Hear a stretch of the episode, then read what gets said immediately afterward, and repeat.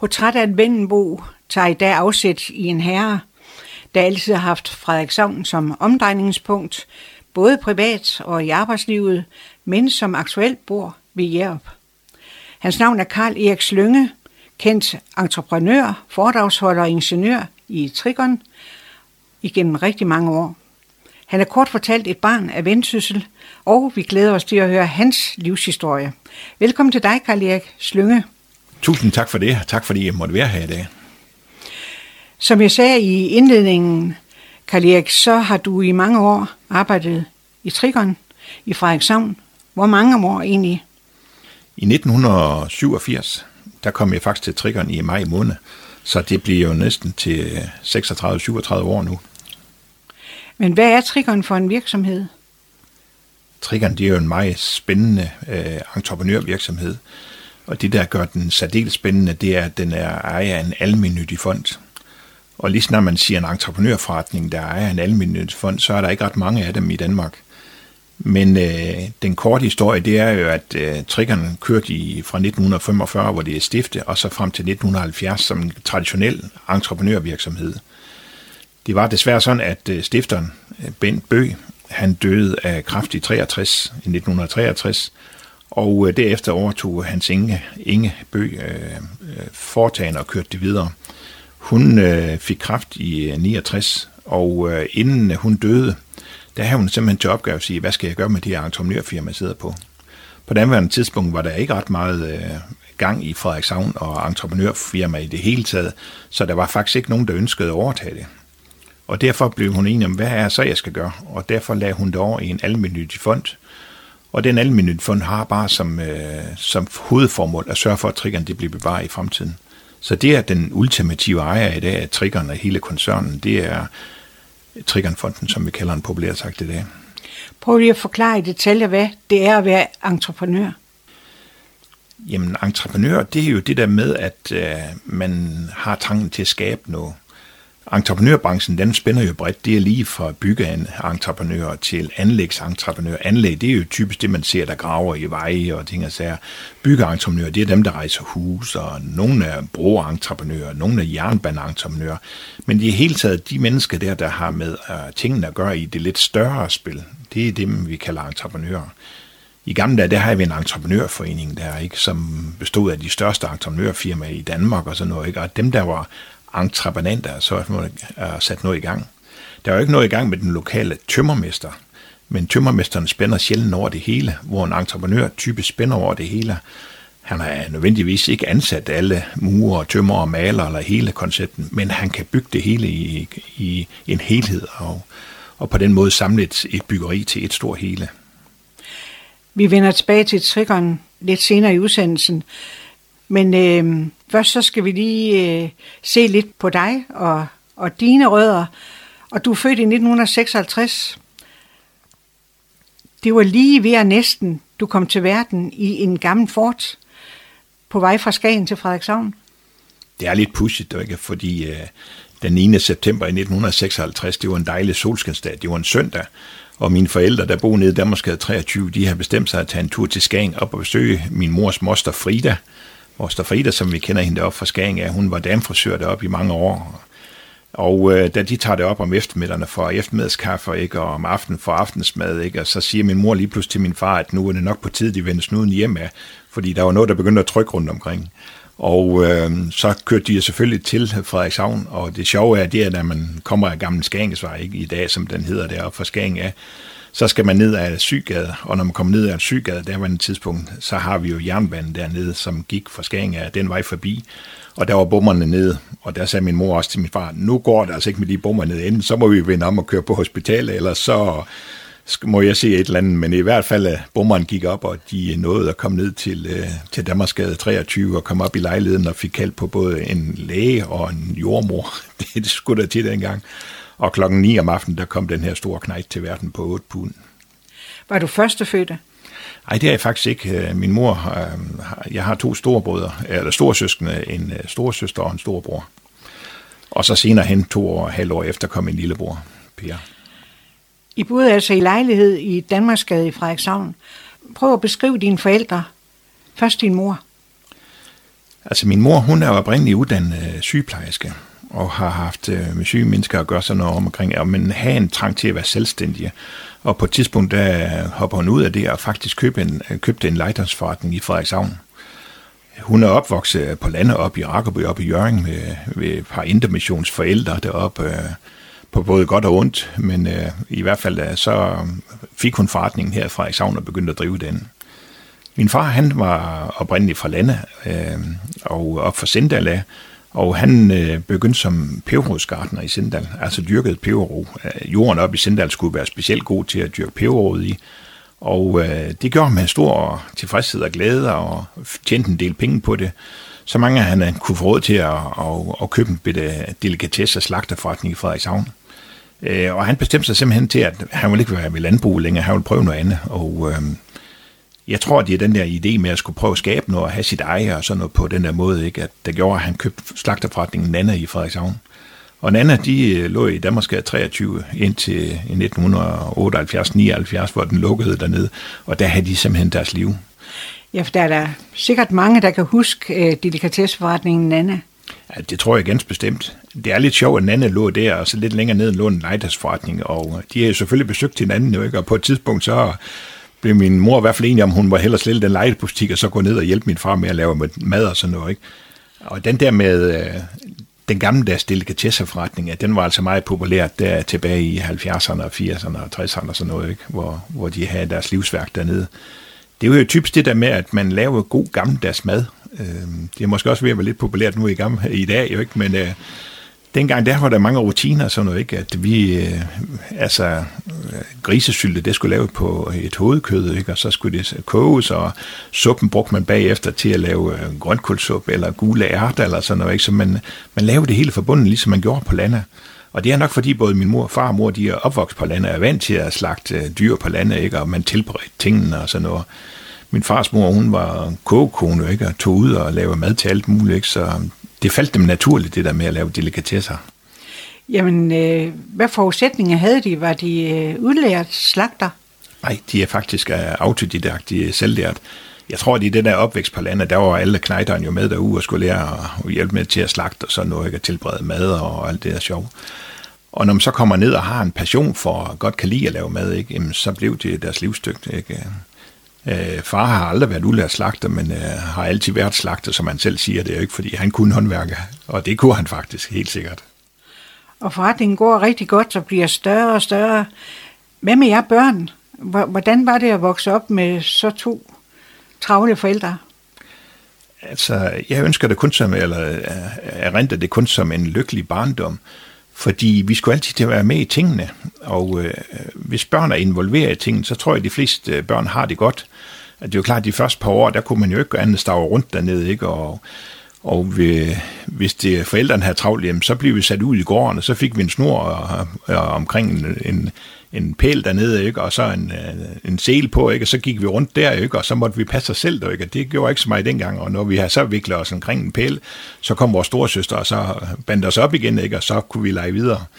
Men øh, da vi blev en lille smule ældre, jeg tror ikke, jeg var mere end 5, 6, 7 år, så skulle jeg op om morgenen og med ned i butikken og med til at lave tingene dernede, og den dag i dag, så synes jeg stadigvæk, det er sjovt at lave mad, ikke? Og, og skal jeg lave en, en sylte til jul, så er det altså helst på et grisehoved eller en skank eller sådan noget, ikke? Og, og andre, de ryster på hovedet og sådan noget, ikke? Der, men, øh, men det, er sådan, øh, det er altså noget, som, øh, som man har haft stor glæde af, synes jeg, hver dele. Sådan noget som smørbrød, det var også på en helt speciel måde, I lavede det? Altså, vi har jo en delikatesseforretning, og der er blandt os smørbrød, ikke? Man, øh, man smurte smørbrød rigtig på gammeldags manér, og øh, jeg husker en af de ting der, som øh, min mor hun sagde, at øh, smør, det skulle smøres ordentligt på rugbrød. Så man havde et stykke rugbrød, så blev det smurt ud til kanteren hele vejen rundt.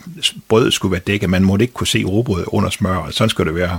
Og for at man kunne smøre sig om, det kan man jo ikke gøre med koldt smør. Så allerede dengang, der rørte hun margarine og smør sammen, og så blandede det sammen, og så får vi det der, vi kalder gærgården, eller, eller hvad nu vi kalder det, det er sådan et blandingsprodukt. Men det er jo nemt at arbejde med, ikke? og smagte egentlig stadigvæk godt og sådan noget. Og så fik vi lavet gamle der smørbrød og pyntet det og gør vi på. Ikke? Og jeg kan huske nogle af de måske overraskende eller episoder, det ikke? men altså nogle gange så blev der altså lavet store kasse med smørbrød. Jeg husker en gang, de var på vej ud og skulle levere smørbrød ud og ned i bilen og køre sted. På vej ud, der var der fire trin ned, og der var der en, der skvat over trapperne. Så var det bare op igen, og så få det skovlet sammen, og så få lavet noget nyt smørbrød og sådan noget. Og det der jo til års og smørbrød, der ikke blev solgt den der, ikke, det kom ud i automaterne. Dengang havde vi gammeldags automater, sådan nogle, jeg husker, det var en krone eller to kroner, så men jeg kan huske, hvor meget det var, men altså, der kom man jo penge i automaterne, og så kunne man trække et stykke smørbrød, når man gik hjem. Og sjovt nok lige det der smørbrødsautomat, der var nede i Danmarksgade 23 ved siden af indgangsdøren der, der var der en rest dernede under. Og den rest dernede, hvis man tabte en mønt, så røg det dernede af. Så noget af det sjove var også knejder det. Det var når det havde været weekend, så skulle ned og rode i rest og se, om der lå nogle 1 kroner dernede. Hvem har råd til at købe smørbrød og gule ærter og sylte? Jamen det her alle, det var ganske naturligt, man hentede det der, ikke? Altså man hentede simpelthen mad dengang hos delikatesser slagter fra den, ikke? Det var ikke fordi, det var specielt dyrt og sådan noget, ikke? men det var bare meget bekvemt, det der med at gå for. Man kom med sin egen bitte spand, og så fik man en liter gule ærter deri, og så en stømpe medisterpølse eller flæsk dertil, ikke? og så gik man hjem og fik det. Det havde vi om tirsdagen, og hver anden tirsdag, så var det øh, gule ærter, eller den anden tirsdag, så var det øh, grønkålsuppe, der, ikke? der var der på. Sådan var traditionerne jo ikke øh, dengang. Så I var faktisk forgangsmand for takeaway, uden ordet inde i fandtes? Det kan man egentlig godt sige. Jeg vil hellere sige, at sådan var det i alle butikker dengang. Ikke? Det var lige om du gik til bageren eller til slagteren. Ikke? Jeg tror også ikke, øh, vi gamle her, vi kan huske, at man i gamle dage fik stigt anden hos bageren, fordi de havde en stor ovn til jul der. Ikke? Og på den måde hjalp man hinanden og tog det helt naturligt, man fik tingene ud og fik det gjort. Altså i dag er det ganske utænkeligt. Der er næsten ingen slagter tilbage eller noget som helst. Ikke? Det er jo alt sammen i supermarkedet nu om det. Og så nede i kælderen, der kunne I ryge tingene? Ja, altså delikatesseforretningen, det var den rigtige delikatesseforretning. Der var en stor rygeovn dernede, der var grukedler, og der var, altså når man malkoger tøj men vi kunne bruge den til at koge alt muligt andet. Der var et gammelt badekar dernede. Jeg husker det der om julen for eksempel, ikke? så kørte min far ud på landet, og så hentede han øh, grønkål hjem. Og de grønkål, de blev vasket også knejter ned i nogle badekar ned i kælderen, og når de blev vasket, så kom de over i grukæden, så blev de kogt derpå, ikke? Og når de så skulle være rigtig gode, så blev de bagefter kogt i noget sup, og lavet færdigt op. Og når man så har kogt alle grønkålsbollerne, ikke, så laver vi dem til runde boller og kryster dem derop med hænderne sådan noget. Jeg har en sjov episode. Jeg tror, jeg har været 12-13 år gammel. Der kom min far en der og sagde til ham, nu må jeg ikke krydse boller længere, lave dem her længere. Nå, hvorfor skal jeg ikke hjælpe med det længere? Nej, du krydser dem for hårdt. Du, du klemmer for mig, hvad nu er dem nu? de skulle jo gerne veje lidt, så de også koster lidt, så det ikke bare var ren grønkål. Det Men dengang, der sprøjtede man ikke væske ind i kødet? Ja, det gør man ikke. Og altså alligevel, så kunne man jo godt tage en saltlag og så gå i en, uh, i en rullepølse eller i en uh, hamperryg. Men altså dengang var de lidt anderledes, fordi man brugte jo nitrit dengang, og blandede det op i vand, og når man pumper det ind i kødet dernede, så blev det ved med at være pænt rødt, når det har været kogt. Og så i dag, hvis du tager og koger en rullepølse, så er den jo kedelig og grå at se på nogle gange. Ikke? Det er, var de jo ikke dengang. Der var de jo pænt øh, lyserøde indeni. Hvordan var dine forældre som øh, personer? Jamen, øh, min far var egentlig sådan en lille stille øh, type, og sådan noget. Ikke en, der var højt og sådan noget. Jeg husker, øh, jeg husker ham for at være sådan meget velovervejet og stille og rolig og sådan noget. Men dog, hvis han blev hvid i hovedet, så var bare med at komme væk. For det så eksploderer han, og så, så faldt der brand ned, så skulle man slet ikke være der. på. han havde en rigtig god humor også. Øh, et sjovt eksempel på, på humoren, den er måske lidt sjove, barske humor, eller hvad skal man sige, det var, at øh, jeg tror, det er omkring 4. og 5. klasse, der blev revselsesretten afskaffet i, øh, i folkeskolen. Altså, læreren måtte ikke give os en ørefin, men øh, det måtte de jo først på år. Ikke? Og jeg kom øh, glad hjem og fortalte, nu har vi øh, nu uh, kunne det altså ikke lade sig gøre, at læreren måtte give os en på hovedet og lægge det op og en på kassen deroppe længere, og det var som følte mig godt. Og så skrev min far et lille brev, du går over og afleverer den til lægen. Og i det brev, der jeg kom op og kiggede på og læste på, der stod der, den der revstadsret, det gælder ikke for min søn. Han må godt få en på hovedet, hvis han ikke opfører sig ordentligt. så sådan var min far som, øh, som person der, men altid glad og lidt udadvendt og sådan noget. Min mor var lidt mere måske en streng og, og hård type, kunne hun godt være. Hun er også stadigvæk humoristisk, sådan noget, men hun var meget kontant. Øh, hun var den der, der skulle bestilles noget, der skulle laves noget, og vi skulle opføre os ordentligt og sådan noget. Så øh, hun kunne godt jage med pigerne dernede i, øh, i butikken dernede, men øh, altid på en god måde og alt sådan noget. Hun var måske lidt præget af, af sin opvækst, fordi øh, hun havde været gift før, så mine søskende, storsøskende, de er fra første ægteskab, som hun er med Åge. Og øh, hun blev så skilt, fordi de ikke kunne sammen. Altså, han ville drikke, og det ville min mor selvfølgelig ikke øh, være sammen med sådan en. Og øh, det endte jo så med, at hun blev skilt, ikke? og min far har faktisk også været skilt og haft øh, et ægteskab før. Og da de mødte hinanden, så begyndte de at komme sammen igen. Men altså, det var da ikke velset at komme hjem til, til min oldemor og oldefar der, fordi de var mission, og det gjorde man simpelthen bare ikke. Man blev ikke skilt, og man giftede sig ikke igen. Så der gik faktisk rigtig, rigtig mange år, men tyre små, hvor vi næsten ikke øh, så dem der sådan noget, ikke? men altså, tingene forandrede sig jo ikke. De fandt jo ud af, at, at min far Karl, det var den helt rigtige for guderne også, ikke? og der kom jeg to små bitter knejder også der, så alt blev jo fryd og gammel med tiden, men altså, det var, når jeg kigger på min, min oldemor Olga der, ikke, også, så var det ligesom at se fiskerne. Øh, hvis jeg har set den film med, hvordan man var i intermission og alt sådan noget sjovt der, ikke? Det, det var langt derhen ad vejen. Du har fire søskende. Ja. Bor de alle sammen i Vendsyssel? Øh, min lillebror, han bor i, i øh, Ørsted og ved Gærum deroppe, ikke, og har arbejdet her i, i Frederikshavn. Øh, min storebror, han afgik ved døden her til jul, og han har været i Sverige næsten hele sit liv. Min storesøster, hun er næsten 80 år gammel, hun bor nede i Aarhus. Så det er vores søskende flok nu, som den er. Var der overhovedet tid til at, øh, at have nogle øh, fritidsinteresser som børn, når I skulle hjælpe til i forretningen? Jamen, det var der helt sikkert. Altså, der, der var faktisk mange ting. Øh, fordi selvom vi skulle passe og arbejde nede i butikken og være med til at hjælpe til og sådan noget, ikke, altså, så blev vi også sat til, at vi skulle, vi skulle lære noget, vi skulle have nogle gode moraler og ting og sager. Jeg husker for eksempel, at øh, vi boede lige over for det gamle palastteater, ikke? Øh, hvor det lå dernede, ikke? Og vi skulle i søndagsskole. Så søndag, der skulle vi op kl. 10, der skulle vi op i søndagsskole, og så skulle vi lære noget øh, om, øh, om Jesus Kristus og alt sådan noget sjov. Men øh, for at vi kom derop, ikke, øh, så skulle vi øh, så få en 25 med, fordi hvis vi så har været i søndagsskole, så kunne vi også få lov til at komme i, i biografen søndag eftermiddag. Ikke? Så noget for noget. Eller, ikke? Men øh, det var jo for at give os en, en ordentlig moral, øh, altså en ordentlig opvækst. Og det, det så vi ikke som noget negativt, tværtimod. Det var, det var noget positivt sådan set. En anden ting, som også øh, mine forældre sagde, nu skulle vi øh, gå til et eller andet, jeg skulle lære at spille. Altså, så de her klaver derhjemme, ikke, så skulle man lære at spille klaver. Og man først sagt ja til det. Så skulle man lære at spille klaver, så skulle man blive her, så skulle man øve sig og sådan noget. Ikke? Og det er der taknemmelig for i dag, fordi dengang var det jo nemmere bare at gå ud og lege, men øh, i dag er der lykkelig over for, at jeg kan noget med musik ikke? og alt den lure.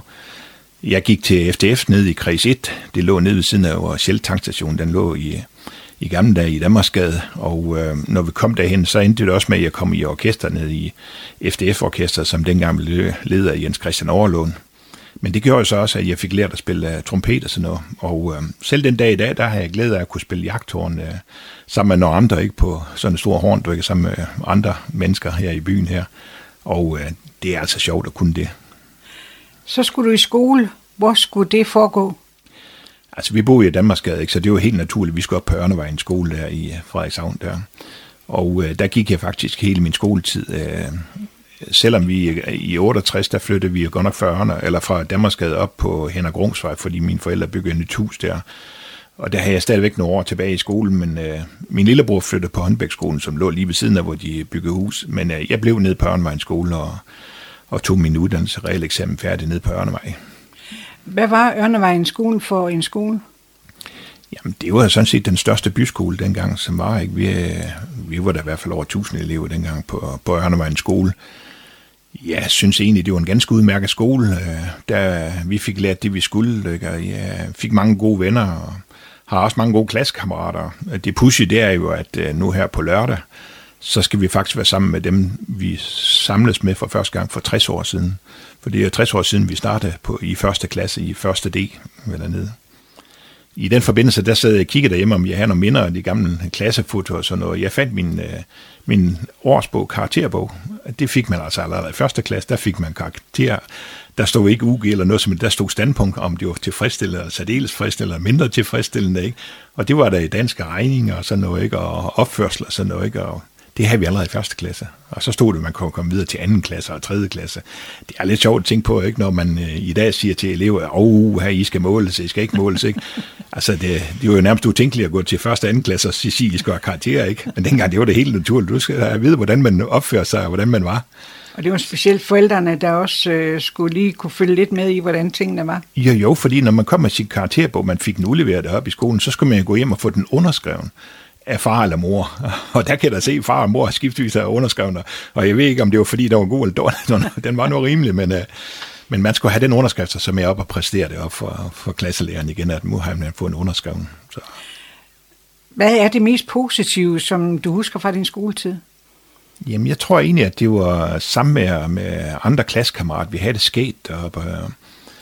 Og jeg, jeg synes om at gå i skole, fordi øh, det faldt mig naturligt og let. Og sådan. Det var ikke sådan, at jeg havde besvær med regning og skrivning eller nogen af det. Altså, det, det faldt mig naturligt, og jeg tror nok, det er derfor, jeg synes, det var sjovt. Men øh, selvfølgelig var der nogle fag, man, øh, have, man synes bedre om end andre ting. Øh, jeg har altid været god til regninger og matematik og sådan noget, så det er jo klart, at det der så naturfag, det, det brændte jeg mere for. Øh jeg tror, mindre tilfredsstillende, det tror jeg, det var skrivning, fordi jeg gad ikke skrive pænt. Det der med at sidde og øve sig i at skrive og skrive og skrive, det, det var ikke mig. nu har jeg skrevet det, jeg skulle skrive, så må det var godt nok, om de kunne læse det eller ej. Så længe jeg kunne læse det, så var det jo fint. er der nogle lærere, du kan huske specielt godt? Jamen altså, der er der, der, er der flere, sådan, som man synes var, var gode og sådan noget. Men øh, ja, nej, der er ikke sådan nogen, der, der har præget mig en hel masse. Ikke i folkeskolen. Det var mere dengang, jeg kom op på gymnasiet bagefter. Der var altså nogen, der, der prægede mig til, hvad jeg skulle være i fremtiden og sådan noget. Øh, hvis vi skal snakke om det, da jeg kom på gymnasiet, ikke, så blev jeg matematisk naturfaglighed det dengang. Det var de to grene, altså naturfag og matematik var det... Øh, i dag vil man kalde det på højt niveau, ikke? Øh, I dag, der var det, altså det var dengang, det var, man skulle have som hovedfag. Øh, vi havde en øh, biologilærer der, som var særdeles aktiv, og jeg synes virkelig godt om det, og alle de der timer her undervisningen her, det faldt mig sådan ind. Det har resulteret i, at jeg har både øh, små bitte bananfluer derhjemme, jeg sad og par med, og jeg har ærteblomster, jeg for at lave opvækst og forsøg med, og altså noget, ikke, for at kunne lave det godt, ikke? Og, så det, det, var, det, det var en sjov tid. Men det er sådan mere alle de der relationer, man har i, øh, i klasserne og sådan noget. Øh, fra folkeskolen har jeg været sammen med Jens Gårdbo, som de fleste nok vil kende heroppe fra, ikke? Og hans far var i VS, VVS-mester nede i Vispersgade, ikke? Og der har vi haft en masse sjove stunder. Vi kommer stadigvæk sammen en gang imellem, ikke? Og, så dem mange mennesker, man kender her fra byen, ikke, kommer vi stadigvæk sammen med og, og har det sjovt med. I var flyttet til et nyt hus i musikkvarteret, og I har rigtig mange venner, der måtte komme hos jer. Hvad, hvad betød det for jer som børn? Altså, da far og mor fik bygget det nye hus deroppe, ikke, der var der sådan et i to etager, en overetage, ikke, hvor der var værelser og stuer og sådan noget. Underetagen, der var det, vi kaldte en pejsestue. Far og mor har altid været god til at sagt, øh, i stedet for at I render ud på gaden, så vil I hellere, at I kommer hjem med alle jeres venner. Og så er det ligegyldigt, om I tager 10 eller 20 mennesker med hjem. Bare I opfører jer ordentligt. Og det var egentlig den der, øh, den der frihed under ansvar, som var så godt op hos os. Så vi har altid masser af mennesker med hjem, både min lillebror og mig. Og vi havde det sket, og vi havde det sjovt, og, og vi kunne også godt finde på at lave skidstreger en gang imellem. Men langt hen ad vejen, så, så var det jo en god opvækst, så vi kunne være dernede. Jeg tror faktisk, far og mor var mere tryg ved det, fordi de ville hellere have, at der var lidt larm ned fra kælderen af, at vi øh, havde sjovt dernede, spillede kort og, og sad og gjorde forskellige ting dernede, end at de ikke vidste, hvor vi var hen. Jeg tror egentlig, det var udtryk for det. Men det gjorde altid, at det var godt hjemme at være der i, ikke? Og da far og mor måske også havde en slagter fra den, så gjorde det ikke noget, at vi kom ind og sagde, må vi lige have lov til at lave noget mad eller sådan noget? Jamen, det er jo da helt naturligt. Så skulle vi da bare gøre det. Og øh, hvis vi har sådan en særlig anledning eller sådan noget, kan vi ikke lige få 10 engelsk bøffer med hjem? Ikke? Jamen, det kunne man godt i en slagter fra. det var måske lidt uhørt over for andre steder, ikke? men øh, det, det var så noget, der var sjovt for os at, at stå og lave lidt mad sammen og sådan noget. Ikke? Men øh, der er også de sjove episoder, ikke? fordi øh, farmor havde også skab op i køkkenet, hvor der var lidt alkohol i og sådan noget. Ikke? Og det skete der nok nogle gange, at øh, vi kom til at tage lidt alkohol, ikke? og så fik vi jo skæld ud af far og mor, ikke? og det var ikke altid, man kunne finde ud af, hvorfor det var, ikke indtil vi fandt ud af, at der sad streger på flaskerne, ikke? Og, og øh, så min lillebror, han fandt på, ikke? så kunne vi komme lidt vand i, i stedet for i spiritus, ikke? men det gik altså kun én gang, så fandt det selvfølgelig ud af det, man kan ikke komme vand i en bjæsk, så går det jo galt. der var noget med, at da I gravede ud til underetagen på jeres hus, der havde I nogle vandproblemer med grundvandet. Det er lidt sjovt det her, ikke? fordi jeg plejer at sige, at nogle gange så, øh, gentager historien sig, eller bider sig i halen, eller den der historik, man kan se til i bagklogskabens klare lys, kan være lidt øh, sjov. Fordi øh, far og mor har entreret med en, øh, en murmester op for, for Jørgen, som skulle lave det her nye hus, og øh, der det nu skulle være kælder, og jordbunden deroppe i Frederikshavn og musikkvarter, den kan være fyldt med vand, så han har faktisk nogle problemer med at få det lavet derop. Og hvem ringer han til? Han ringer så til Trigon, og så var det faktisk Karl Eland, der kom op som ung ingeniør dengang og skulle være med til at lave grundvandsænken derop. Så allerede i 1968, der træffede jeg faktisk øh, Karl Eland og Trigon for første gang, sådan rigtig for alvor. Og det er så det, der blev min skæbne bagefter, ikke? at jeg blev det Det vidste jeg jo slet ikke dengang. Det er lidt sjovt at tænke tilbage på, og vi har da også snakket om sidenhen, ikke? at han var med til at grave det derop, ikke? og haft lidt sjov omkring det. Hvad med fritidsjob? Var der tid til det? Altså, der er altid øh, været tid til at gå ned og arbejde ned i butikken, og det var ikke altid, vi fik lige god løn. Så nogle gange, så kunne man jo godt sige til forældrene, ikke? det kan godt være, at jeg skal finde noget selv, jeg har med at gøre. Og i den forbindelse, der, der havde jeg en del år, som jeg passede som tankpasser ned i Frederikshavn på det, der hedder Esso Tankstation. Ville Christensen har en Esso Tankstation dernede i Søndergade derude. Ikke? Det er faktisk der, hvor øh, jeg kalder kinesergrillen, den ligger i dag, eller restauranten, den ligger i dag derude. Og øh, der kom jeg så klokken 2-3 om eftermiddagen, ikke? og så var vi øh, på tankstationen og passede den på god gammeldags manier.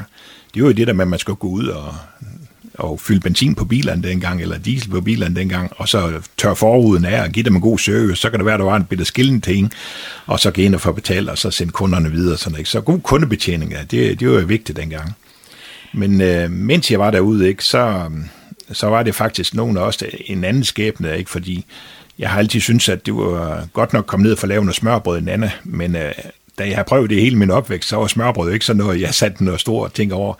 Men kunne jeg få en hotdog eller sådan noget, så var det måske endnu bedre. Ikke? Og, og det resulterer i, at jeg som regel kørte en tur ned på havnen, og der var ned, hvor, øh, hvor Valutaslangen, øh, turistkontor, der ligger dernede i dag, der var der simpelthen en øh, pølsevogn dernede, ikke? og i den pølsevogn tog jeg ned, og, og inden jeg kørte derop, og så fik man øh, en rød hotdog eller noget, ikke, inden man skulle op på arbejde der. Og det blev lidt af en skæbne, fordi nede i den der pølsevogn, der stod der en pæn pige dernede. Det var Helle, min kone i dag, som hun stod dernede og passede pølsevognen. Og, og sjov nok, så er det jo sådan, at øh, hver gang jeg kom ned, skulle jeg have den pølse der om, om eftermiddagen. Hun kendte efterhånden, når jeg kom derned, de der vagtskemaer, ja, så skulle hun stå derhen og, og skære brød, pølsebrød og sådan noget, så hun havde tid til at stå og snakke med mig. Og det gjorde jo som sagt, at øh, vi blev forelskede. Ikke? Og det var, Hvad var det ved Helle, du faldt for? Det var hendes glade væsen, og hendes smil og hendes charme og sådan noget, ikke? hendes livfremhed, ikke? og øh, troværdighed. Og øh, ja, særligt det der glade smil, at, at man var altid godt tilpas sammen med hende. Og så så hun skide godt ud også jo. Det gør jo heller ikke noget, vel? Hvor gammel var du? Jeg var 16, og Helle var 15. Og øh, det blev lidt pushy, ikke? fordi øh, på daværende tidspunkt, der havde jeg sparet lidt penge sammen at have en bitte båd. Øh, en lille speedbåd, man kunne sejle i og sådan noget, ikke? og der kom vi til at snakke om, at øh, jeg sejler lidt, og jeg tror nok, hun selv betragtede en lille smule som pral nogle gange, at jeg sad dernede og sagde, at jeg har en stor speedbåd og sådan noget, ikke? men øh, det ene ord tog det andet, så siger du kan da bare komme med og sejle, ikke? Og, ja, jamen, det vil hun sandelig også, og øh, på et tidspunkt lige pludselig en aften, der tropper hun op sammen med hendes veninde. Nå, skal vi ud og sejle en tur, du ikke? Og så sagde jeg, det kan vi da godt, ikke? og så sejlede vi en tur på Hirsholm, og så har vi faktisk holdt hinanden i hånden lige siden. Og hvordan det senere udviklede sig, det vender vi tilbage til. Vi har Karl Erik Slynge i studiet, og øh, skal vi ikke lige fokusere lidt igen på din gymnasietid? Du gik jo på den her specielle linje, biologi og musik. Matematik og musik. Og musik. Ja. Hvad var dit mål erhvervsmæssigt på det tidspunkt? Jamen altså, når man kommer på gymnasiet, så er det nok de færreste, ved, hvad retning man vil. Men øh, da efter jeg var oppe i, øh, på gymnasiet der, de år der, og havde med biologi at gøre, så fattede jeg en enormt stor interesse for, for biologi i det hele taget. Jeg tror faktisk også, fordi om sommeren, når vi er ude at sejle der i vores båd der, så støb vi nogle gange på havbiologerne. De her til nede i Kirkegade der i Frederikshavn, der havde de en afdeling, Aarhus Universitet havde simpelthen en afdeling for havbiologer, i, i Kirkegade dernede. Og om sommeren, der var de på ekskursioner heroppe, ikke? Og der mødte vi nogle gange dem rundt omkring ved Hirstelm og sådan noget, ikke? Og øh, faldt også i snak med nogle gange. Det gjorde i hvert fald, at min interesse den faldt for biologi. Og øh, jeg besluttede mig faktisk til efter gymnasiet, at nu skal jeg være ned og være havbiolog, og så skal jeg ned og studere biologi. Og øh, efter gymnasiet, der tog jeg faktisk til, øh, til Aarhus Universitet og starte med at læse biologi. Men øh, efter et halvt års tid fandt jeg ud, at det var ikke lige mig at sidde og parre benantfluer. Og jeg tror også, et af mit skræk, det var for eksempel, at vi skulle lære lidt, øh, lidt kemi og sådan noget. Ikke? Og bogen, det var på flere tusind sider, den hed Allgemeine Chemie, så vi var nødt til at læse den på tysk. Ikke? det var ikke lige min spidskompetence på det var et tidspunkt, men... Øh, det ene ord med det andet, jeg fandt vers ud, at de var ikke min hylde alligevel, det der. Så det var ikke lige der, jeg skulle du noget andet skulle der. satse. Men ellers har gymnasietiden været sjov, fordi vi har jo mange gode venner der. Ikke? Jens Gårdbo, uh, Birgit Munk, øh, som har haft kor og sådan noget, og også har været på gymnasiet i mange år. Men har du ikke mødt dem på Ørnevejnskolen? Jo, altså allerede dem havde vi i folkeskolen der, ikke? men vi, vi voksede jo videre op på gymnasiet og gik sammen på gymnasiet og på kryds og tværs af, af klasserne. Nogle klasser havde vi jo sammen, der, der blander man jo det, ikke? Så matematik havde man med nogen, og musik havde man sammen med nogle andre, og biologi sammen med nogle tredje, og så kørte det lidt på kryds og tværs af, af klasserne deroppe. Men vi så jo altid, ikke? Og vi har mange sjove ting, for eksempel Jens Gårdbo og Birgit Munk var dem, dem vi også havde fritidsjob med. Vi sang ned fra Frederikshavn Kirke, og øh, i kirkekor dernede, der fik man simpelthen penge for at komme derned og synge dernede. Og vi sang vel nok øh, ret godt og sådan noget der, ikke? Og så, så vi samledes derned og, og sang i, om søndagen til højmesse eller til begravelse og sådan noget. Jeg fik en lille skilling på det. Det har vi nogle sjove oplevelser også af. Var det ikke også noget med, at I lavede lidt larm i kirken? Og jeg er nok nødt til at fortælle, at øh, nede fra Isavn Kirke, der er der jo oppe ved siden af Aarhus. Det er der kor står og synger ved siden af Aarhus, ikke? men op over Aarhus, der er der blevet tårnværelse, som vi kalder det. Ikke? Og når der var prædiken dernede ved prædikestolen, så kunne vi godt gå op og sætte os ned og forberede os op i tårnværelset deroppe. Men det kunne godt være lidt sjovt der, ikke? og lidt højlyst og noget. Ikke? På, der, men på et eller andet tidspunkt, der var der på et tidspunkt, at kirketjeren kom og sagde, nu holder jeg jeres mund, vi kan høre jer helt ned i kirkesalen. og det var der, fordi vi havde skæg og ballade og sådan noget der på. Ikke? Og jeg ved ikke, at uh, vi, vi har simpelthen et godt sammenhold, og, og det er der blevet ved også til i dag. Vi ses til stadigvæk i dag, jo ikke? fordi det er jo sjovt. Birgit Munk og Jens Gårdbo, de er hver for sig øh, personligheder, som de fleste Frederikshavner i hvert fald kender. Prøv at fortælle, hvordan du synes, du oplevede dem. Jamen, de var nogle stærke personligheder, nogle øh, fremtrædende mennesker, som, øh, som ville nå at have noget passion for de ting, de, de gik op i. Jeg, jeg tror, det var det, der fascinerer mig, fordi ligesom jeg selv øh, går helt hjertet ind for de ting, man går, ikke? Og jeg plejer at sige, at man går hele vejen, så hvis man gerne vil noget. Ikke? På samme måde havde de jo ikke. Altså, I er jo ikke i tvivl om uh, Birgit og kor og musik og sådan noget. Det blev hendes livsværk i dag, ikke? Og haft de største oplevelser op på gymnasiet efterfølgende med alle hendes kor, ikke? Og korpigerne og, ikke? og kammerpigerne og, og kammerjunkeren og alle de der efterhånden ting, hun laver. Ikke? Jeg har selv været med uh, på nogle enkelte ting, hvor vi har opført nogle store korværker ned, ikke? Atlantis for eksempel nede i Colosseum, ikke? da det var her fra sammen, hvor jeg også var med til at synge i og sådan noget. Så det er det der sammenhold, det der fællesskab, man har om, om en fælles passion, musikken i det her tilfælde her. Så hun var allerede passioneret dengang? Meget, meget i allerhøjeste grad. Ikke? Der, der er lige så dedikeret, ikke? hvis det ikke går over i det, så er det om, så er det øve sig igen og igen og igen. Ikke? Og det, det er det, der gør, det, øh, det bliver godt. Øh, Jens Gårdbo på samme måde, ikke? han er jo spredet bassen uden lige mag, ikke? og det, det siger jeg jo også i dag på, på alle mulige øh, kanaler, ting og sager. Ikke? Altså, Radio 710, da han var i øh, Vejle, tror jeg, de fleste ikke de var børneudsendelsen dengang. Ikke? Det var det i hvert fald dengang, Jens han var færdig som journalist, ikke? han fik arbejde i det. Og senere hen hans store karriere TV2 og, ikke? og som nyhedsvært sådan noget. Men også øh, musikken, fordi øh, øh, hvad hedder det, i her i Frederikshavn spiller han med i Bangsford Byorkester, ikke? Øh, som, det har du aldrig været så?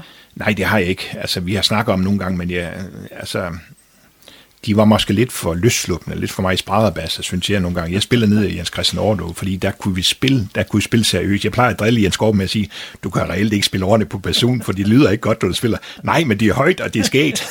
det, det, har han jo ret i, jo ikke? Så det er jo sådan ligesom to forskellige ting, jo ikke? Men, øh, men altså, det er stadigvæk i, det med at have det sjovt sammen, og udvikle noget sammen, at have nogle venskaber. Det har fyldt meget. Og hvor stammede din interesse for musik fra? Altså, jeg ved, du blev tvunget til at skulle lære musik, øh, for eksempel klaverundervisning i din barndom, men, men var det en reel interesse allerede dengang? Jamen, det, det tror jeg nok, fordi jeg har altid godt kunne lide musik, og altså, jeg er så heldig, at min mor, hun har lavet en, der hedder Barnets Bog til mig dengang, ikke? og der skriver hun, at allerede som 11 måneder, så var jeg lyttet intensivt til musik, og var glad for musik, og og vil gerne være med og synge og sådan noget, ikke? Og, og det der med at kunne synge, øh, har jeg altid lagt mig naturligt for, ikke? Så, så jeg tror, det, det kommer helt af sig selv, når man finder ud af, at man godt kan det. Har du sunget i kor? Altså, det har jeg gjort op på, sammen med Birgit Munkemur, øh, i øh, hendes kor, ikke? og på gymnasiet og sådan nogle ting, altså, ikke? men altså ikke i Frederikshavn Bykor, for eksempel, ikke? Sådan, det er ikke der, min interesse det har været. Det har været mere noget andet, men altså, en, øh, en korkarriere har jeg ikke, jeg vil hellere være udøvende musiker, eller hvad skal man sige, ikke på et instrument eller sådan noget. Men det der med at spille klaver, det handler jo om, hvis man først har sagt, at man gerne vil spille klaver, så sagde mor til mig, så skal du spille klaver, og så skal du øve dig, og altså noget sjovt. Ikke noget med pjek eller sådan noget. Nu bliver vi ved med det her stykke tid. Altså det må jeg da ærligt om, det kan jeg da godt kigge på unge mennesker i dag. I dag der shopper man lidt, ikke? Vi prøver lige en 14 dage, 3 uger, nej det gider jeg ikke. Nå, men så er der et nyt tilbud, så prøver vi det næste. De bliver jo aldrig rigtig gode til noget, hvis man ikke øver sig et år eller et eller andet, ikke? Altså, man bliver ikke sporfoldsspiller på et halvt år. Det kan godt være, at man har talenten, men du skal stadigvæk træne og gøre ved på, ikke? Som du fortalte øh, for ikke så længe siden, så prøvede du først lidt din biologikarriere af. Men det gik jo så ikke helt efter forventningen. Hvad skete der så? På daværende tidspunkt, der havde jeg fundet Helle, og vi var jo sammen og boede sammen, Helle og jeg, ikke? og hun skulle gerne være tandlæge klinikassistent, ikke? og det kunne man på daværende tidspunkt få ned i Aarhus, på Aarhus Tandlægehøjskole. Så da jeg startede på at læse biologi dernede, så kom hun ned for at være øh, tandklinikassistent, det var en toårig uddannelse dernede. Og da jeg så sagde, at nu vil jeg ikke læse biologi længere, så var hun jo tvunget til at blive dernede og ikke tage sin uddannelse færdig ikke på de to år. Og det gjorde så, at øh, jeg skulle jo bare ud og arbejde. Og øh, der tog jeg til Frederikshavn igen, fordi jeg kendte mange mennesker heroppe, ikke? og der begyndte jeg at arbejde med en murmester Jens Hvid heroppe i Frederikshavn, og jeg, jeg faldt virkelig pladask for det der, for egentlig så skulle jeg bare hen og arbejde med mine hænder, og sådan noget, tjene nogle penge, indtil Helle blev færdig, indtil jeg fandt ud af, hvad ville vi så? Og øh, det gør så, at jeg kom til at lave hus rundt omkring i Frederikshavn, ikke? og jeg har også været ved andre entreprenørfirmaer i Frederikshavn og i Jørgen, til at være med til at grave veje og klarker og sådan noget. Og det er lidt sjovt, fordi den dag i dag, der kører man rundt og kigger på de ting, man var med til at, at prøve dengang, og skabe dengang. Men det gjorde så, at jeg fandt ud af, at, øh, at jeg ville godt være noget inden for byggerier, og jeg bestemte mig til, at jeg skulle prøve at læse til ingeniør. På daværende tidspunkt kunne man gøre det i København. Øh, man kunne også gøre det i Aarhus som teknikumingeniør. Men der var kommet en ny uddannelse i Aalborg, som hed øh, Aalborg Universitetscenter, ikke? som var en mere gruppeorienteret og øh, øh, en anden type undervisningsform, man havde deroppe. I stedet for traditionelle forelæsninger, som man har på Aarhus Universitet, så var det mere gruppearbejde og sådan noget. Og det bestemmer jeg til, at det skal jeg altså prøve det der. Og det faldt jeg pladask for. Jeg synes stadigvæk i dag, det er den, det er den rigtige måde at, at blive uddannet på, hvis man vil være noget, som man skal være sammen om. Altså et hus er jo sjældent en mand, der bygger det hele og laver det hele og skaber det. Det er jo et samarbejde mellem forskellige faggrupper og ingeniører og arkitekter og ting og sager, om at skabe den her fælles ting, man har. Og det kræver, at man kan arbejde sammen, og det fik vi altså lært ud på, på Aalborg Universitet. Du startede i 78, og hvor lang tid øh, var du med på ingeniørstudiet? Jamen det var indtil 82, der var jeg færdig som ingeniør derpå, og øh, undervisningen derude var i gruppeform, ikke? Og, og i grupper, og også, man kunne også være enkeltform i afgangsprojekt, skrev jeg alene, men altså det er nu lige mig. Men øh, en af de sjove ting, jeg vil lige nævne i den forbindelse, det var, at jeg fik, øh, jeg fik mulighed for at komme en tur til Schweiz og arbejde i øh, 3-4 måneder øh, som ingeniørpraktikant. Øh, praktikant som det hed, nede ved et firma, Ruplet Lienhardt, dernede i øh, Schweiz, nede i Zürich. Og der var jeg nede fire måneder, og, øh, og hjalp med at lave ganske almindelige ingeniørarbejde og sådan noget. Helle kom også en tur ned og besøge mig, og sådan noget, og det var en fantastisk god tid. Øh, blandt andet også, fordi firmaet jeg var i, de var rigtig gode til at tage sig af mig. Altså de andre ingeniører, der var i firmaet, det var et rigtig stort firma på en 100 ansatte eller sådan noget ingeniører. De, øh, de tilbød mig at komme med ud og komme med ud og opleve Schweiz og komme en tur ud på bjergvandring og sådan noget. Ikke? Og en sagde, jeg har en to CV derhjemme, den kan du godt låne, den bruger vi ikke alligevel, så kørte rundt i det. Så da Heller kom hjem og besøgte mig, ikke, der tog vi en tur rundt omkring dernede og, og, og hyggede os og kiggede noget rundt omkring dernede i Schweiz. Så det blev nogle gode øh, måneder, hvor der var dernede, ikke? Og, og gjorde, at jeg var endnu mere passioneret med at komme hjem og blive, for at lave mit afkundsprojekt færdigt og komme i gang med at arbejde. Men ellers boede I sammen i Frederikshavn? Ja, og øh, i, øh, i Aarhus eller i Jørgen. Øh, dengang jeg læste ingeniør, der boede vi faktisk i Jørgen, fordi Helle blev jo færdig øh, som klinikassistent og fik job ved en tandlæge Friis op i Jørgen. Og der flyttede vi så til Jørgen by, og så lå jeg kørt til, fra Jørgen til, til Aalborg på universitetsstudiet de sidste år, der var der. Og da vi var færdige, så flyttede vi permanent til Aalborg og fik en lejlighed der nu, og købte os en lejlighed ud og bygge lidt om på den og sådan noget. Ikke? Så men efter du var færdiguddannet, så blev du ansat hos Fransen og Krav Nielsen. Ja. Hvad er det, og hvem er det? Altså det er et traditionelt ingeniørfirma. Det er lidt anden konstruktion i dag, men øh, øh dengang var det sådan et traditionelt ingeniørfirma, der sad og projekterede lidt broer og sådan noget. Øh, Fransen havde jeg været lidt i kontakt med i mit ingeniørstudie, fordi jeg var ved at lave et afgangsprojekt, hvor, hvor han var med deri. Og det betød, at øh, han havde behov for nogle ingeniører nogle gange, og han var lidt øh, ikke up-to-date til, hvordan man regner og sådan noget, men det var jeg jo nyuddannet, jeg var up-to-date, hvad der skulle regnes på. Så jeg blev ansat til at projektere sig på Sundbroen simpelthen. Og da jeg projekterede sat op Sundbroen op ved Nibæk og har fået den sat i udbud og sådan, og den var i gang med at skulle udbygges, så var jeg færdig med det job der. Og, og så kom jeg så over til Covi Consult bagefter. Så det der entreprenør, altså det der entreprenørfirma sjov, sådan noget, det kom først senere. Jeg startede faktisk i rådgiverbranchen. Men de firmaer var i Aalborg? Ja. Der var også noget med, at da du var i Covi i Aalborg, der lavede I noget her i Elling. Altså, det er lidt sjovt, når man er tilsynsfører hos Covi, så kommer man rundt omkring på forskellige byggeprojekter, og en af de sjove ting, det var, at vi lavede en stitunnel herude ved Elling, ikke? Altså, den der under, lige ved i rundkørslen derude, der er jo en stitunnel under, man kan gå under og cykle under den på. Og øh, jeg blev ført til, at, sat til at føre tilsyn, dengang den blev øh, sat i station. Og de firma, der skulle udføre det dengang, det var sjovt nok triggeren derpå, ikke? Så der stødte jeg på Karl Ejl, altså første gang som direktør derude, ikke? for han skulle i gang med at lave den her og så kom sådan en ung øh, fløs der, eller knejp der, ikke? også nyuddannet ingeniør, skulle holde øje med ham dernede. Ikke? Så det var lidt sjovt der igen, at man stødte ind på triggeren igen der. Så besluttede du dig så for, at nu skulle triggeren være din arbejdsplads. I 1987, der søger du en øh, stilling. Ja. Og hvad gik det ud på? Du så den i avisen. Jeg vil nok sige, at der er en forhistorie til den, øh, fordi efter jeg har været ved Covid-konsult i to år, så øh, har jeg lavet rørledning rundt omkring, øh, blandt andet for Covid den NATO-ledning, der går fra Aalborg til Frederikshavn. Og der var jeg kommet i kontakt med, med firma Jørgen Blat, som laver naturgasledninger og fjernvarmeledninger og tankanlæg, sådan noget ude i Aalborg, det store firma. Og det firma der, det, øhm, det skulle lave en rørledning op, og der blev jeg ansat i øh, to år, tre år deroppe, var jeg ved Jørgen Blat dernede og lave naturgasledninger og ting og sager. Og det betød jo, at jeg aldrig var hjemme anden i weekenderne. Øhm, det var jo noget med, at man tog ud til øh, Vejle eller Fredericia, eller hvornår vi havde de store rørarbejder. Og så boede jeg i campingvognen dernede, og så kom jeg hjem fredag aften på et eller andet tidspunkt. Så tog jeg det søndag aften eller mandag tidligere om morgenen.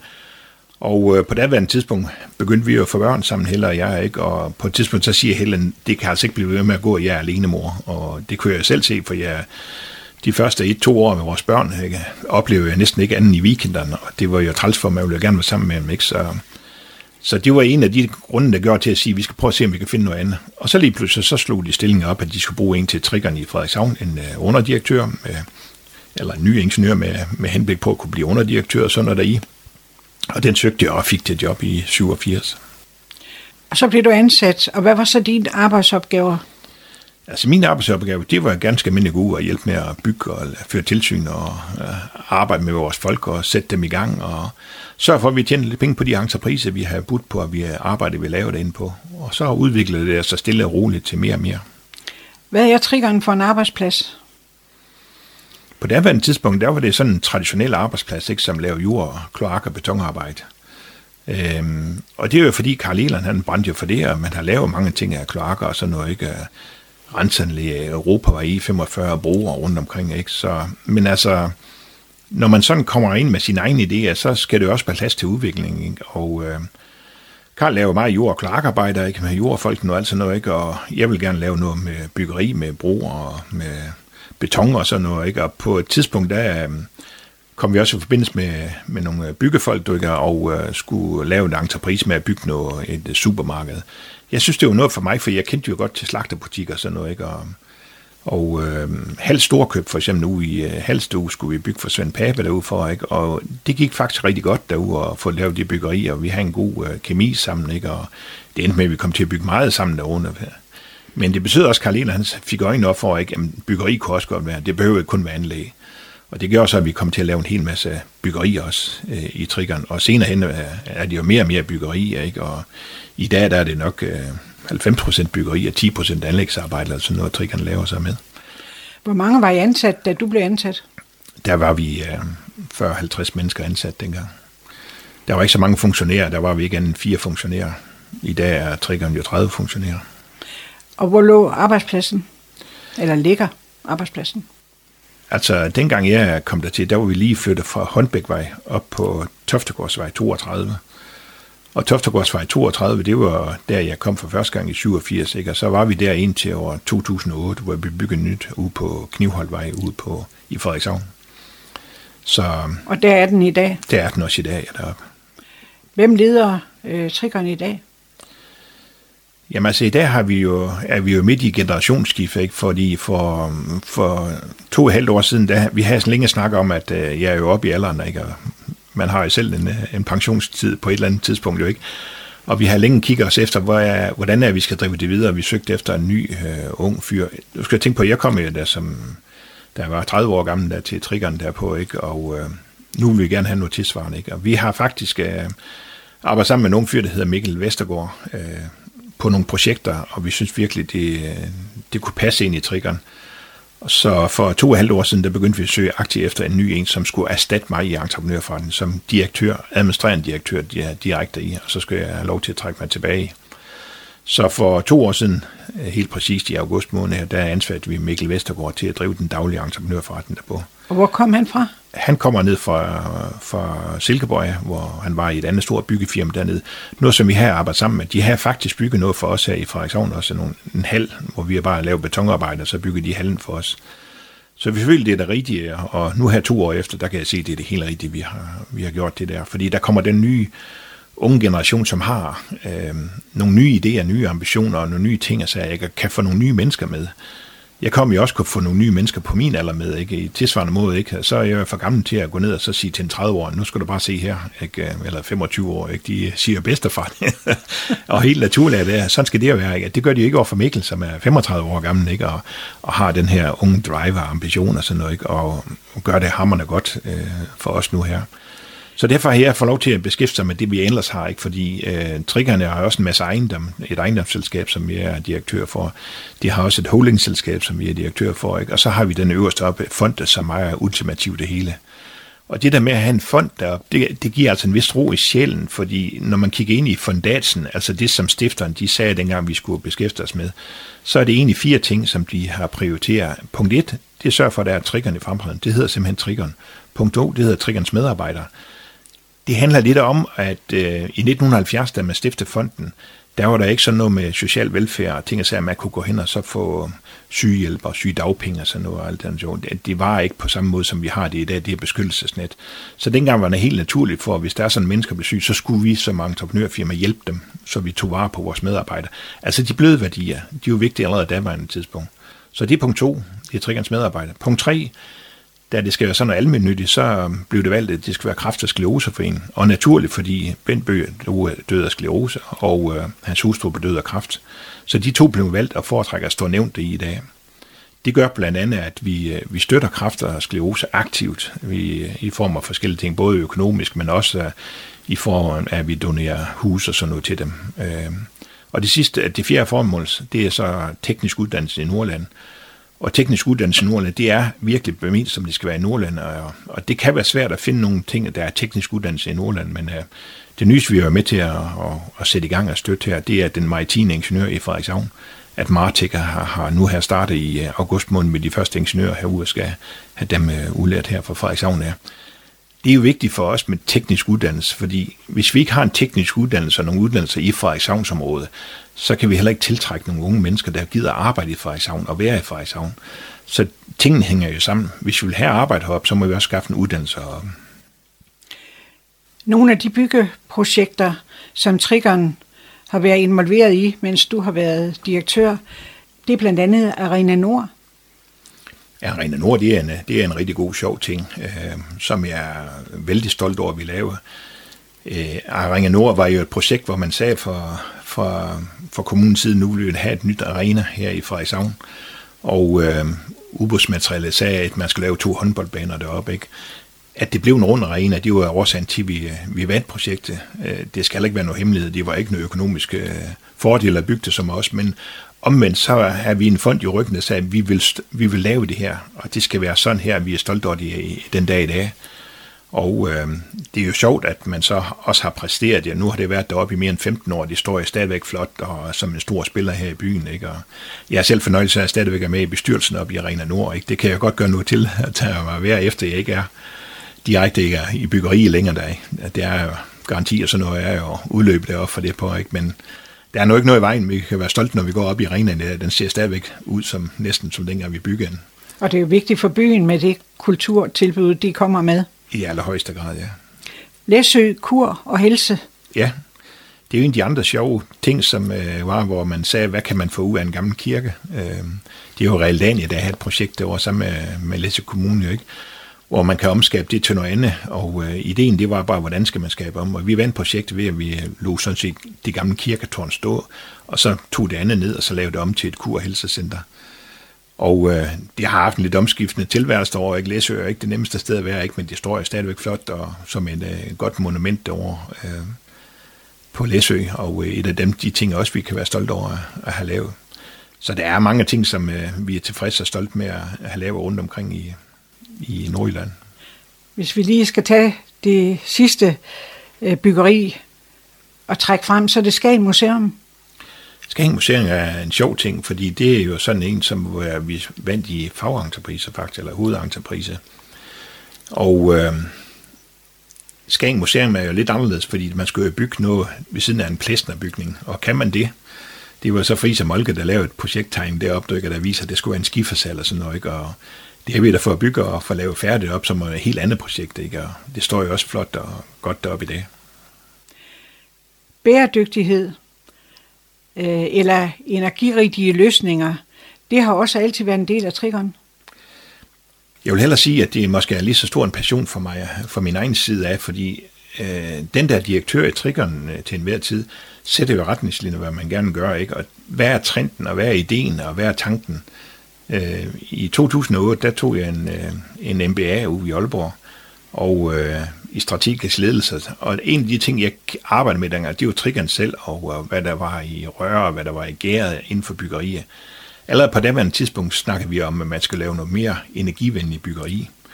Og øh, hvordan laver man energivenlig byggeri? Øh, det satte vi os for at op i triggeren i fællesskaber og sige, at vi er nødt til at og øh, vise, hvordan man kan gøre med de teknologier, vi har i dag.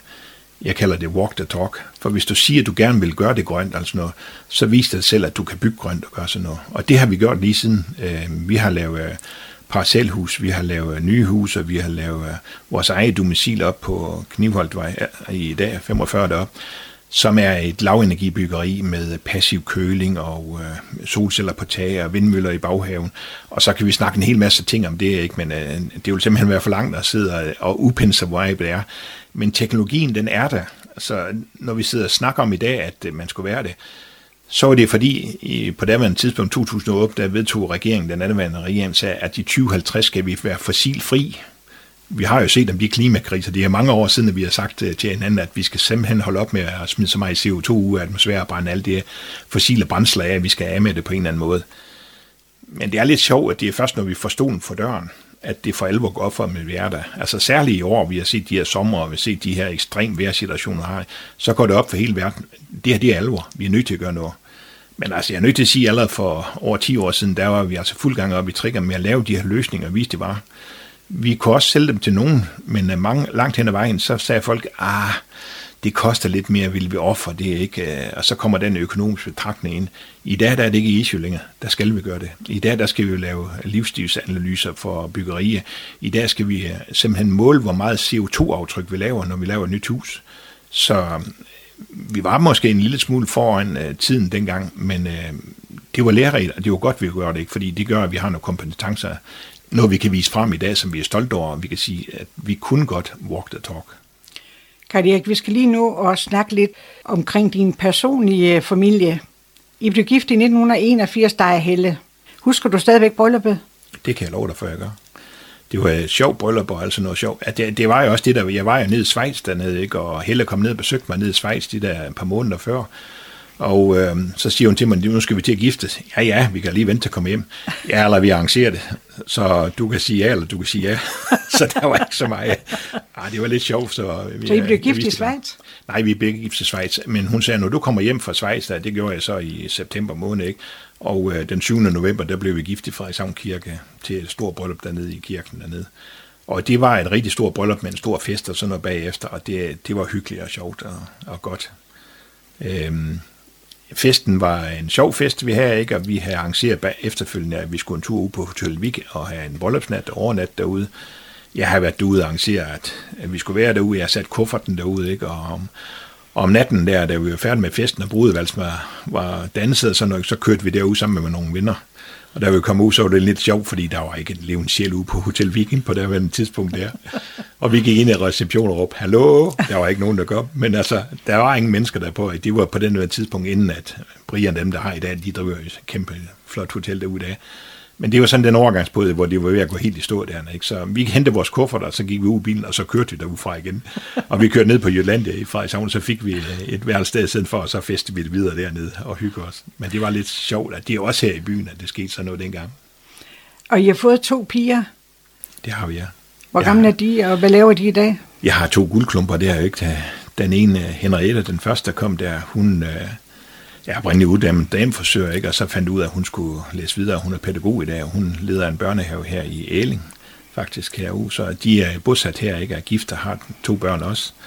Og den yngste, Marianne, hun er uddannet sygeplejerske, og i dag der er hun selvstændig og har en, en butik med smertebehandling, øh, klinik for smerter hernede i Frederikshavn, som hun driver, og øh, gør det på en lidt moderne måde med laserapparatur øh, og magnetterapi og lidt anden type fremtidig behandling, som jeg plejer at sige. Øh, og hun har lidt den der selvstændige drev i sig, vil gerne prøve noget selv, og det har hun fået startet op der. Marianne er gift med Lassa øh, og har tre børn, og øh, de der fem børnebørn, det er simpelthen vores guldklumper, og de er heldigvis ved os næsten så at sige altid. Og det, jeg plejer at sige, det er, det er godt at få børn, men det er endnu bedre for børnebørn. Og dejligt, hvis det er lige i området. Ja, Altså, det er næsten hver weekend, så er de hos besøg hos os ude i, i Jerup derude. I har som familie boet mange forskellige steder, men i dag bor I på Jerup Hede. Ja. Hvad er det for et sted? Jerup øh, derude, lige på den anden side af Jernbanersgade på Himmerigsvej.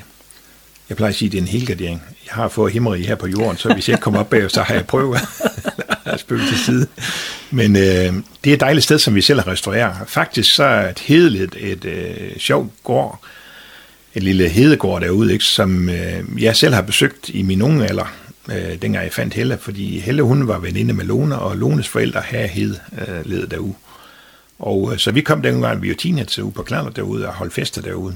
Og så kom skæbne, så mange, mange år efter, i 2008, da vi havde boet nogle år inde på, i Frederikshavn i et nyt hus, vi har bygget derinde, så kom uh, Jørgen Andersen, der havde gården der hen og spurgte, er det ikke fordi, I skal have min gård? Og det ene uge og to det andet, og det endte med, at vi sagde, jo, vi skal nok prøve at bo på landet også, i stedet for at vi bare bor i byen, selvom vi har et dejligt hus der også. Og det gjorde vi så to springe i 2008 og købte gården, og har bygget om og moderniseret, så har vi boet derude lige siden. Men jeg har hørt rygter om, I overvejer at sælge Altså heller, jeg, vi er jo ikke, uh, vi er ikke sådan nogen, der, det er nok fordi, du er entreprenør. Det gør ikke noget, vi bygger noget og laver noget og så kommer videre. Vi har, vi har bygget rigtig mange steder. Vi har lavet rigtig mange huse, og vi har lavet rigtig mange sommerhuse og sådan noget. Så der er ikke sådan nogle ting, der er heldigt for os. Vi ved godt, at byggeri, det er noget, man har. Øh, jeg plejer nogle gange at sige til arkitekterne også, hvis I har tegnehus, kan I så ikke også skrive, hvornår det skal nedtages, når vi bygger der, ikke? Også, ikke? Det er ikke arkitekter, ikke? de tror, det skal leve evigt, sådan noget, ikke? men det tror vi nu ikke, fordi man skal jo prøve nogle ting, mens man har chance for at prøve det. Ikke? Og vi har boet mange år ude i, øh, i Jæb derude nu med stor succes, og har kreaturer ude på, på heden derude, vi øh, går og passer, vi har heste, islandske heste, vi rider på, og hygger os med derovre, ikke? Og der er jo også noget jord, der skal passe 22 hektar jord, sådan noget, som vi driver selv. Men det, det tager jo lidt tid af en side. Ikke? Det gør også, at vi har svært ved at hjemmefra. Jeg skal aldrig se hjem og give hesten vand og se ud til kreaturen og sådan noget, ikke? og slå markeren og lave noget foder til dem og sådan noget. Så hvis man vil prøve noget andet og nå at prøve det, mens man, øh, man er her på jorden, så må man jo selv tage beslutninger om at gøre det. Og det betyder, at vi faktisk har sat den til salg nu. Med henblik på, at vi vil flytte til Bratten ud i vores sommerhus.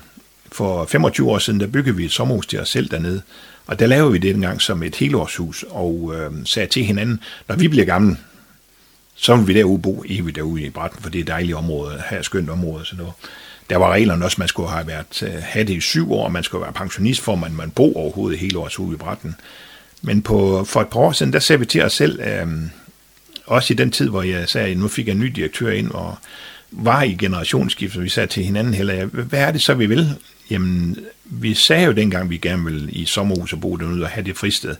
Der er jo ikke noget anden marhal rundt omkring. Der er ikke en græsplæne, der skal slås og nogle ting. Og, og hvis vi vil gerne ud og rejse lidt, eller prøve at se noget andet, eller opleve noget andet, så er det måske nu, vi skal gøre det, og så tage den beslutning, mens vi selv kan tage beslutningen. Og vi vil hellere, vi vil hellere se, om vi kan, vi kan realisere drømmen, mens det er os selv, der tager beslutningen, end man skulle ikke måske syg øh, eller noget andet. Ikke, ikke fordi der er noget vej med os tværtimod, men det er mere det der, men vi kan selv gøre det i dag. Så derfor er beslutningen nu, at vi skal prøve at se, om vi kan sælge det, og det kan være, det går to inden det sælger, det er ikke så vigtigt for os. Og så vil vi flytte derud i et stykke tid derpå. Og selvom dit omdrejningspunkt hele tiden har været Frederikshavn, så flytter du fra Jærup og ikke til Frederikshavn, men til Bratten i stedet for. Ja. Det er ønskedrøm. Det er vores ønskedrøm lige nu, ja. Du har haft en finger med i spillet i rigtig mange monumenter i Frederikshavn Kommune også. Øh, hvorfor nogen er du mest stolt af? Jamen, jeg tror faktisk, at det er hele processen, at øh, for mange år siden, det var faktisk Egon Svendsen, der var formand for Frederikshavn Erhvervsforening. Han kom og snakkede om, at det var nok på tide, at vi skulle have nogle yngre kræfter ind der også. Og i øh, 2007 kom jeg med i Erhvervs, Frederikshavn Erhvervsforening. Det var inden kommunerne blev lagt sammen, øh, Sebeskæring og Frederikshavn. Der havde man øh, erhverv i hver eneste øh, kommune derpå. Og så kom en sammenlægning i øh, 2008, tror jeg, det var jo ikke. Og det betød så, at, øh, at jeg havde chance til at komme med i den omlægningsproces dernede. Øh, vi gjorde det sådan i Frederikshavn Kommune, dengang de blev lavet sammen. Vi vedtog, at vi ville beholde tre erhvervsforeninger, en i Skagen, og en i Sæbe, og en i Frederikshavn, som selvstændige enheder. Og øh, jeg er naturlig i Frederikshavn, fordi jeg, vi var i trikkerne dernede, ikke? så det hørte naturligt til der. Så jeg havde have mit virke nede i Frederikshavn Erhvervsforening, og det gik faktisk kun et par år, hvor Kai Christiansen han var egentlig formand dernede og sagde, har du ikke lyst til at tage over i stedet for mig? Og det gjorde jeg så, var er formand for Frederikshavn Erhvervsforening. Jeg er faktisk stadigvæk i dag. Men de tre foreninger til sammen, de danner Erhvervsrådet. Og Erhvervsrådet er de tre foreninger, som har tre medlemmer for hver, altså ni. Så er det det største parti i Frederikshavn, og det næststørste parti, altså Socialdemokrati og Venstre i øjeblikket, altså Birgit Hansen og dem, og øh, Peter Sørensen, der er med i dag så er det dansk industri, og så er det øh, fagbevægelsen, der er med deri. Og så kan det være en enkelt uge over. Men altså, det betyder, at man har et fælles erhvervsråd, som driver et fælles erhvervshus. Og erhvervshuset, der har vi øh, 11 mennesker ansat dernede i dag. Og de 11 mennesker, de laver den aktive indsats over for virksomhederne. Og den er lidt særegen. Det er ikke andre steder i, i, øh, i hele Nordjylland, der foregår på den måde. Af de 11 kommuner, i, der er i Nordjylland, der er vi fra i sammen vil jeg godt påstå, dem der er længst frem, og i hvert fald folk også kigger til os sådan noget, ikke? fordi vi har et selvstændigt erhvervsråd og en erhvervshus øh, hus dernede, som bare tager interessen over for medlemsvirksomheden og interessen og, og, og at skaffe nye virksomheder og i hele taget udviklingen ind på. Det gør vi via politikeren og øh, byrådet har jo sat, vi har nogle forskellige mål, som vi gerne vil nå. Der er fire vækstmål, som man har sat sig ind for. Der er et fødevarespor, der er et øh, energispor, og der er flere forskellige spor, som vi arbejder indenfor.